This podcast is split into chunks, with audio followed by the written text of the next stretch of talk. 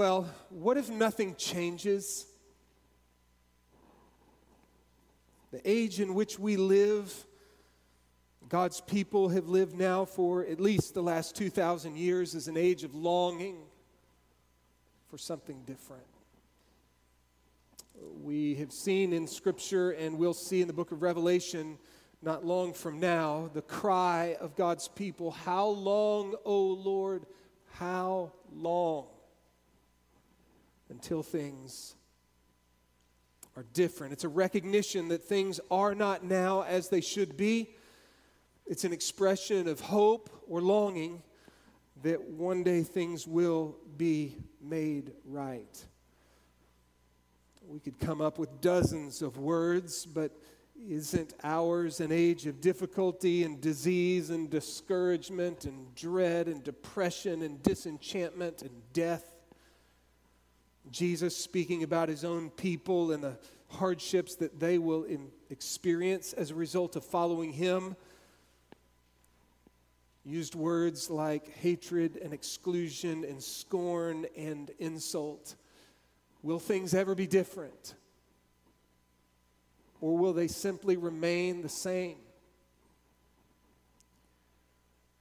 So many of you ladies have been pregnant before, and nine months of pregnancy, and there towards the end, the contractions begin and they get stronger and stronger, and apparently you get more and more uncomfortable. What if that just went on and on and on and on and on and on? What if there was never the birth of the baby? Fellas, I tried to think of something comparable. It's hard. What if, what if when you mowed the lawn and you're out there sweating and walking and pushing and you make it through the front yard and you go into the backyard, and by the time you're done with the backyard, the front yard is grown up again. And there's just a never end to the blood, sweat, and tears that is. Does that compare? No, okay, sorry. I knew it on the front end, ladies.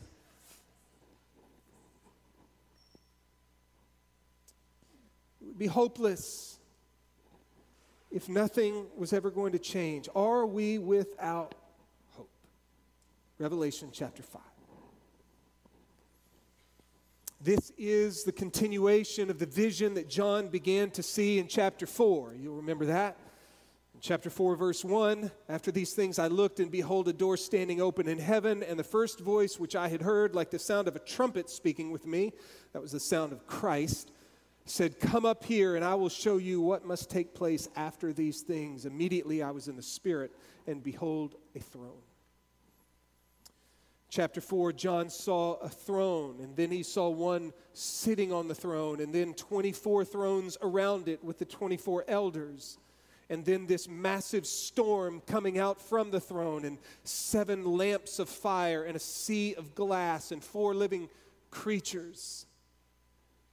It was an impressive scene, a powerful scene, a magnificent scene into the throne room of God. And then he heard the four living creatures. They do not cease to say, Holy, holy, holy is the Lord God the Almighty, who was and who is and who is to come. And then he also heard the 24 elders Worthy are you, our Lord and our God, to receive glory and honor and power, for you created all things, and because of your will they existed and were created. And so John in chapter 4 saw the throne and the one who sits upon the throne in beauty, glory, power, splendor, sovereignty, greatness. You remember we asked Tozer's question or his statement, what comes into your mind when you think about God is the most important thing about you. In chapter 5, the vision continues. I saw in the right hand of him who sat on the throne a book, better, a scroll, written inside and on the back, sealed up with seven seals. We're going to see a handful of things this morning, not a ton of time, and so let's begin. The first thing we see is a significant scroll. In the right hand of him who sits upon the throne, in the right hand of God, is a scroll, and it's written on the inside and on the back. Mean, it's sealed up with seven seals. This scroll seems to represent redemptive history and God's purposes for earth and humanity from this point forth through to the end. It's God's plans to save people from every people, tribe, tongue, and nation. It's God's plans to per- preserve his people through the many dangers, toils, and snares that they will come across. It's God's plans to bring judgment upon evil. It's God's plans to vindicate his people in the end and to establish the new heavens and the new earth where there will be peace and righteousness forevermore. Buist Fanning at Dallas Seminary said the scroll then represents the divine plan for redemption and restoration through Christ. It symbolizes God's salvific plan to assert his authority over a rebellious world and to achieve his loving purposes in creation through the victory of the Lamb. Nancy Guthrie writes The scroll represents the decrees of God concerning the unfolding of God's plans for judgment and salvation that were established before the foundations of the world, set in motion by Christ's death and resurrection. Finally, G.K. Beale says the scroll contains all sacred history, especially from the cross to the new creation. Again, this is God's redemptive plans that are going to be worked out in history from this time until the new creation. Apparently, that's what's in the scroll. And it's sealed up.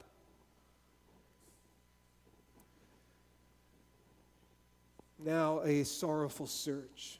Verse 2. I saw a strong angel proclaiming with a loud voice, Who is worthy to open the scroll and to break its seals? Who's worthy?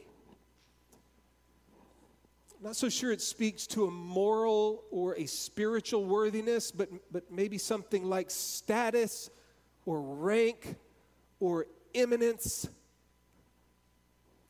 that comes forth from the nature of the person and their accomplishments. Who is worthy? Who has the status, the rank, the eminence, the credentials? to take this significant scroll that has the very plans of God for the age to come, who's able, who's worthy to see what's inside? And I think the idea carries with it not only to see what's in it, but to bring it to pass. And no one in heaven or on earth or under the earth was able to open the scroll or to look in it, then I began to weep greatly because no one was found worthy to open the scroll or to look into it.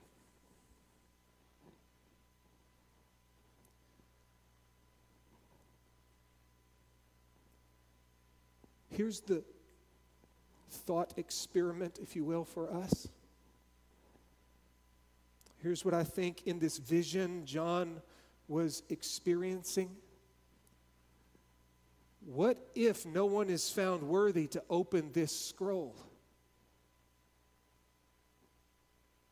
What if the purposes of God to save his people, to preserve his people, to judge evil, to vindicate his people, to establish a new heavens and new earth, to be rid to rid the world of sin and sorrow and disease and death.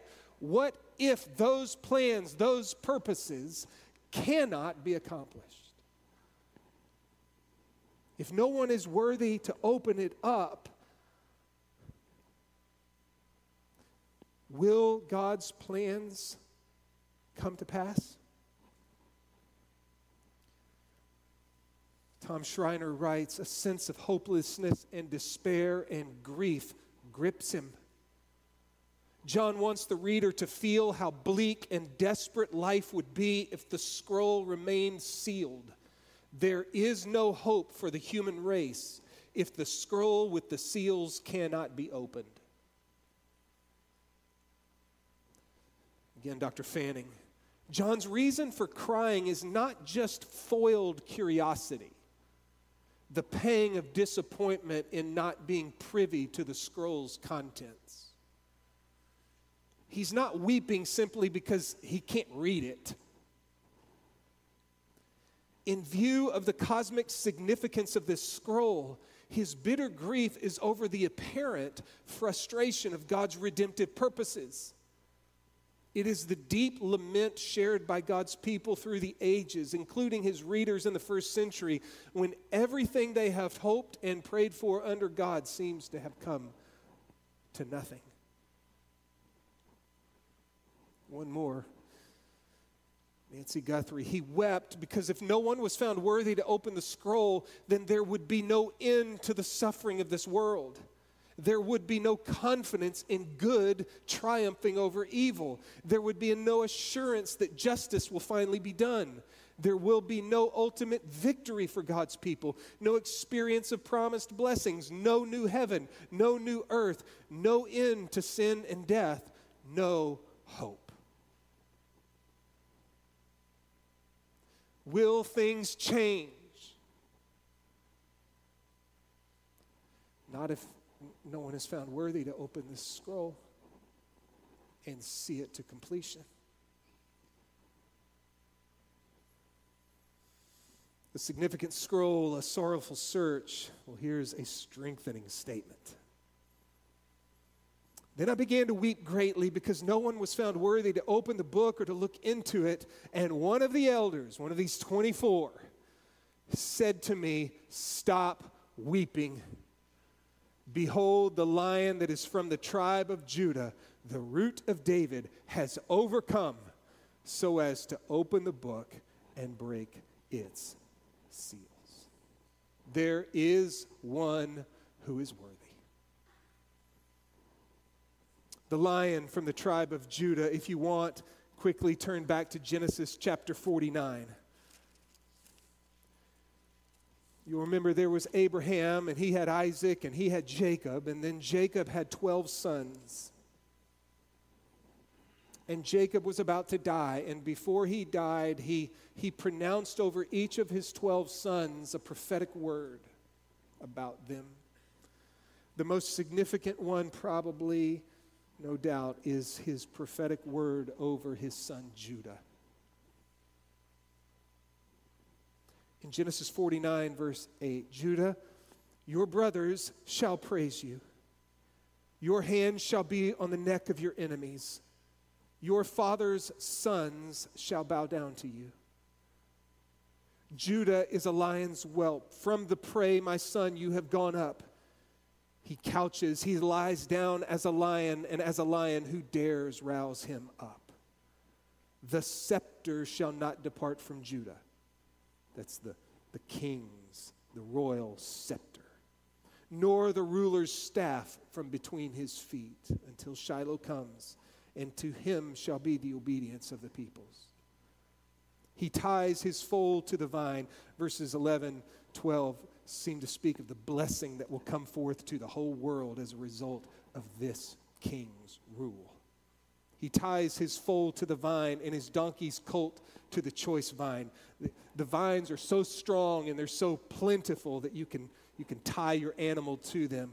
He washes his garments in wine, his robes in the blood of grapes. His eyes are dull from wine, his teeth white from milk seeming to speak of the fruitfulness of the land in those days. Here in Genesis 49, Jacob a prophetic word over his son Judah that coming forth from him will be a lion, one of strength, one of power, and he will, he will hold the scepter, the staff of the ruler. The king will come forth from Judah. If you want to look at Isaiah chapter 11, so go to the middle of your Bible to Psalms and then go right a handful of books until you come to Isaiah. Chapter 11. Then a shoot will spring from the stem of Jesse. Jesse was David's daddy. And so John, the, the elder, says to John, the lion from the tribe of Judah, the, the shoot or the root from David. This is looking at Isaiah 11. A shoot will spring forth from the stem of Jesse, a branch from his roots will bear fruit. So one's going to come forth from David. David's from the tribe of Judah. David's the king of Israel. And in 2 Samuel 7, God had made a promise to him that one of his descendants would rule forevermore. And, and, and Isaiah speaks of this shoot that's going to come forth from David, this branch. He will bear fruit. And the Spirit of the Lord will rest on him the spirit of wisdom and understanding, a spirit of counsel and strength, the spirit of knowledge and the fear of the Lord. He will delight in the fear of the Lord. He will not judge by what his eyes see, nor make a decision by what his ears hear, but with righteousness he will judge the poor and decide with fairness for the afflicted of the earth. He will strike the earth with the rod of his mouth, and with the breath of his lips he will slay the wicked. Also, righteousness will be the belt about his loins, and faithfulness the belt about his waist. He goes on to speak of the blessing that will come from him. Is anyone worthy? The lion from the tribe of Judah, the shoot from David, is worthy. Jesus is the fulfillment of Genesis 49, of 2 Samuel 7, of Isaiah 11. He is glorious, he is royal and regal, and he will one day forcefully and effortlessly exert his rule over all the world. He is worthy. And the implication of this is yes, things will change. Stop weeping, John.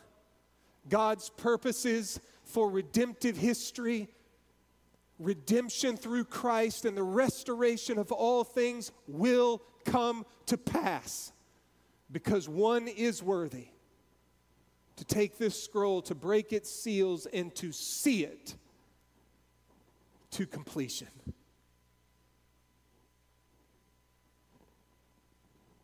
God will save his people. He will preserve his people. He will judge evil. He will right all wrongs.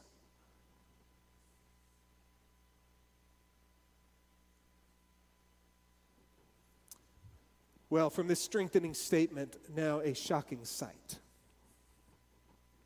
So he hears this. Stop weeping. Behold, the lion that's from the tribe of Judah, the root of David, has overcome so as to open the book and break its seals. And of course, his overcoming is that he was faithful to God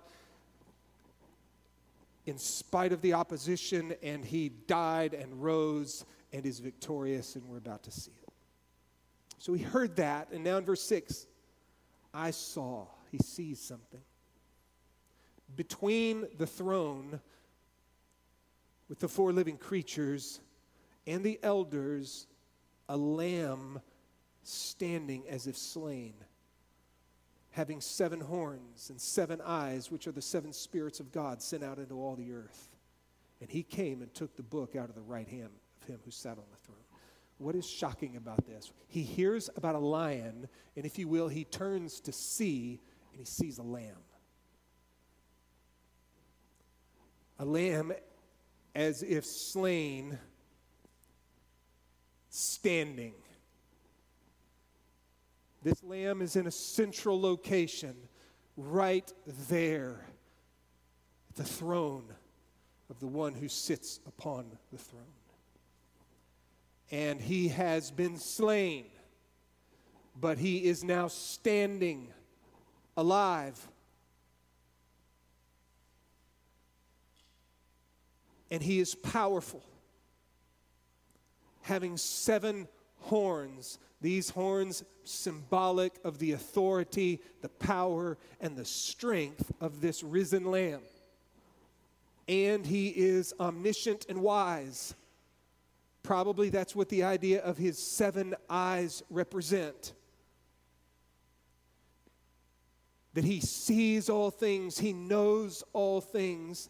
But John goes on to speak a little bit more about these seven eyes, which are the seven spirits of God sent out into all the earth. We've seen that in chapter 1. We saw it in chapter 4, these seven lamps which are before God, which are the seven spirits of God. The seven spirits of God speak of the fullness and completeness of the Holy Spirit. And so, this one who has died and who is risen and who is powerful apparently also is effectual as he sends forth his spirit into all the earth to accomplish his purposes.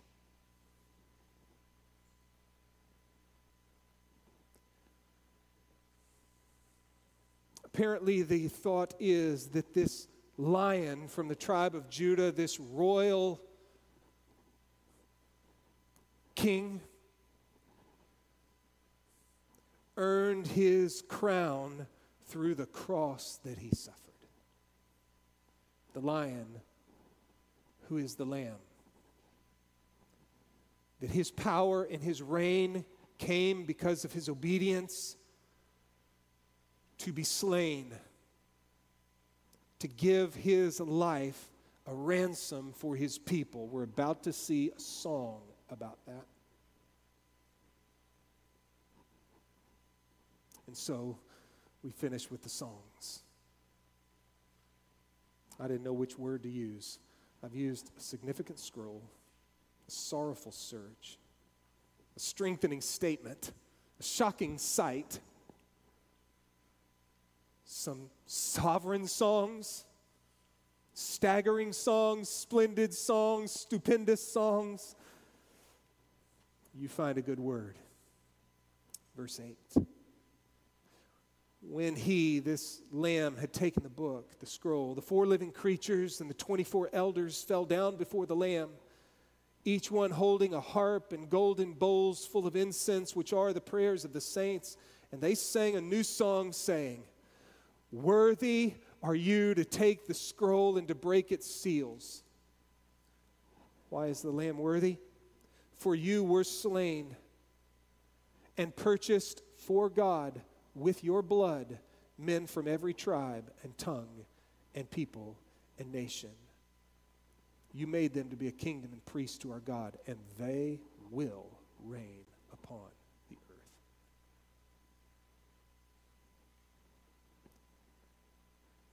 He looks to the, the song looks to the end of it all and says, It will be done.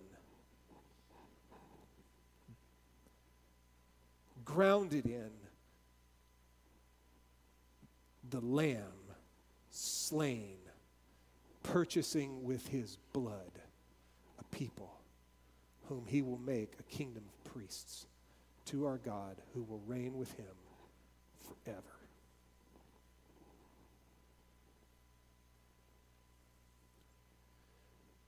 Jesus Christ and his death upon the cross is the center of it all.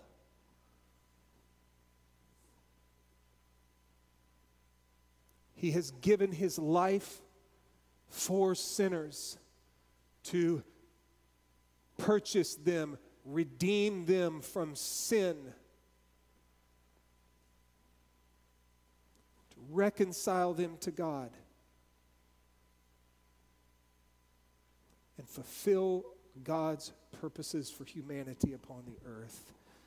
Well, here's another song in verse 11. Then I looked and I heard the voice of many angels around the throne. So if you were here a couple weeks ago, we started with the one who sits upon the throne and then these 24 elders.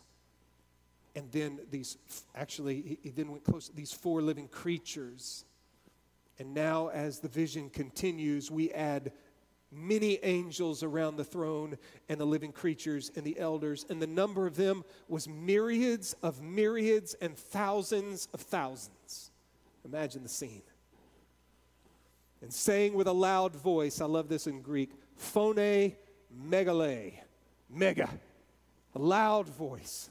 Worthy is the lamb that was slain to receive power and riches and wisdom and might and honor and glory and blessing.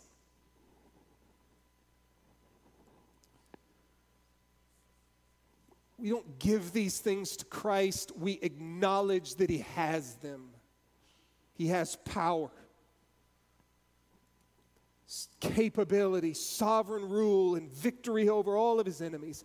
He has riches, the vast resources of God and the benefits which Christ bestows upon His people. He has wisdom the incredible ability to know the right thing to do at all times. He has might, again, related to his power and his capability to accomplish whatever it is he desires.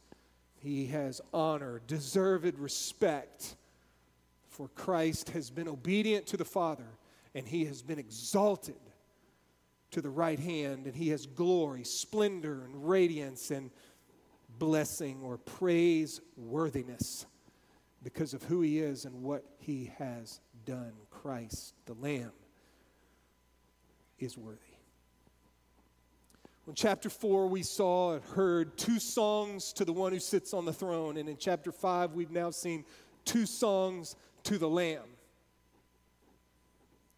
Now in verse 13, and every created thing which is in heaven and on earth and under the earth. So we've gone from the four living creatures and the 24 elders to a myriad of angels, and now every created thing which is in heaven and on earth and under the earth and on the sea and all things in them, I heard saying, To him who sits on the throne and to the Lamb. And so, two songs to the one on the throne, two songs to the Lamb, and now one song to them both to him who sits on the throne and to the Lamb be blessing and honor and glory and dominion forever and ever. And the four living creatures kept saying, Amen. And the elders fell down and worshiped.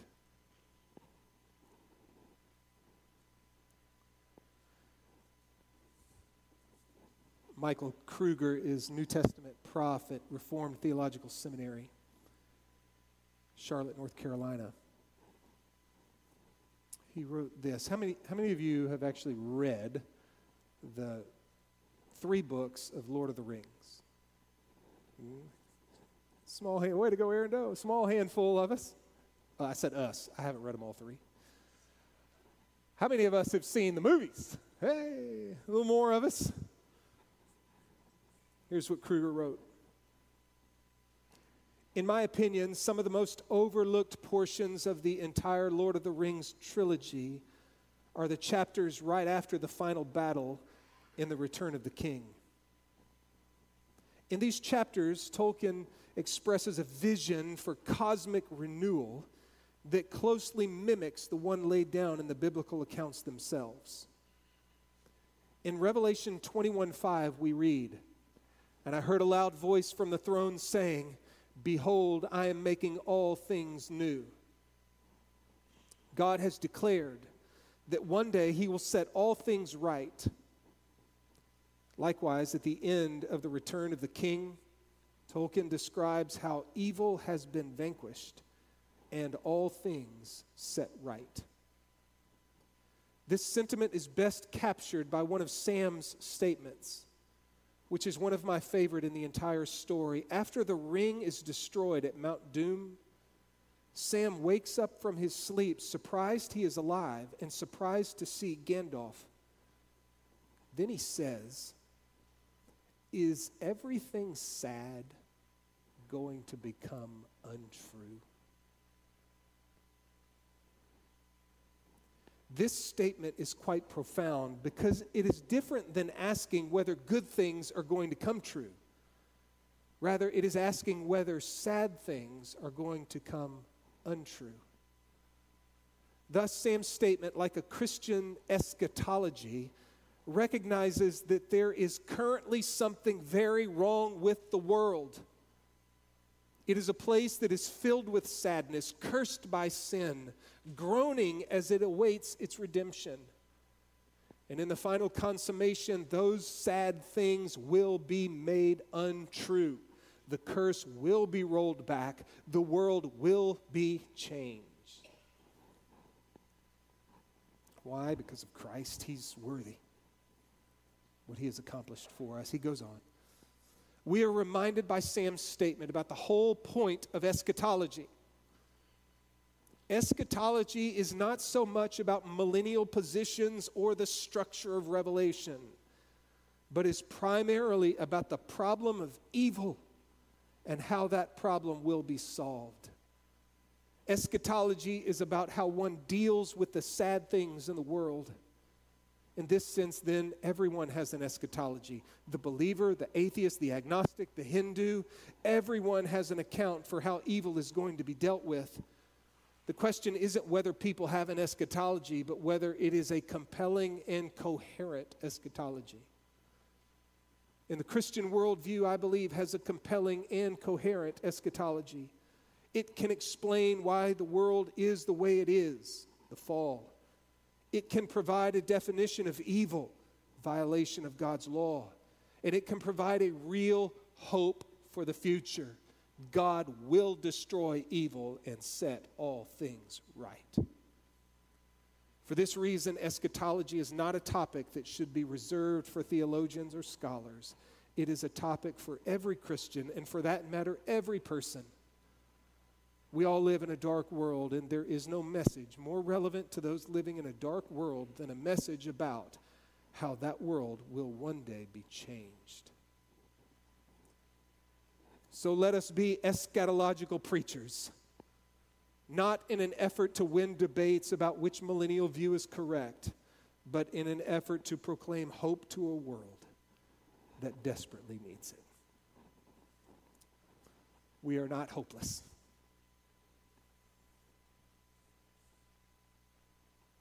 Everything sad will become untrue because of Christ. Let's pray. Father in heaven, would you drive this nail deep within us? That as we ourselves experience disappointment, discouragement, disease, despair, depression, dread, insult, hatred, scorn, ultimately death. We know that your purposes are being played out. You are sovereign, in control, and nothing is thwarting what you have purposed to accomplish. How long, O oh Lord, how long? Indeed, it is our cry. But we cry out to you because we know that one day, in your perfect timing, indeed, all things will be made right. If there's any here today, Lord, who do not know the peace that comes in being reconciled to you through the forgiveness of sins through your Son, Jesus Christ, might you open their hearts to the truth of the gospel even now. That they are a sinner, they cannot fix themselves, but God, through his Son, Jesus Christ, has done it.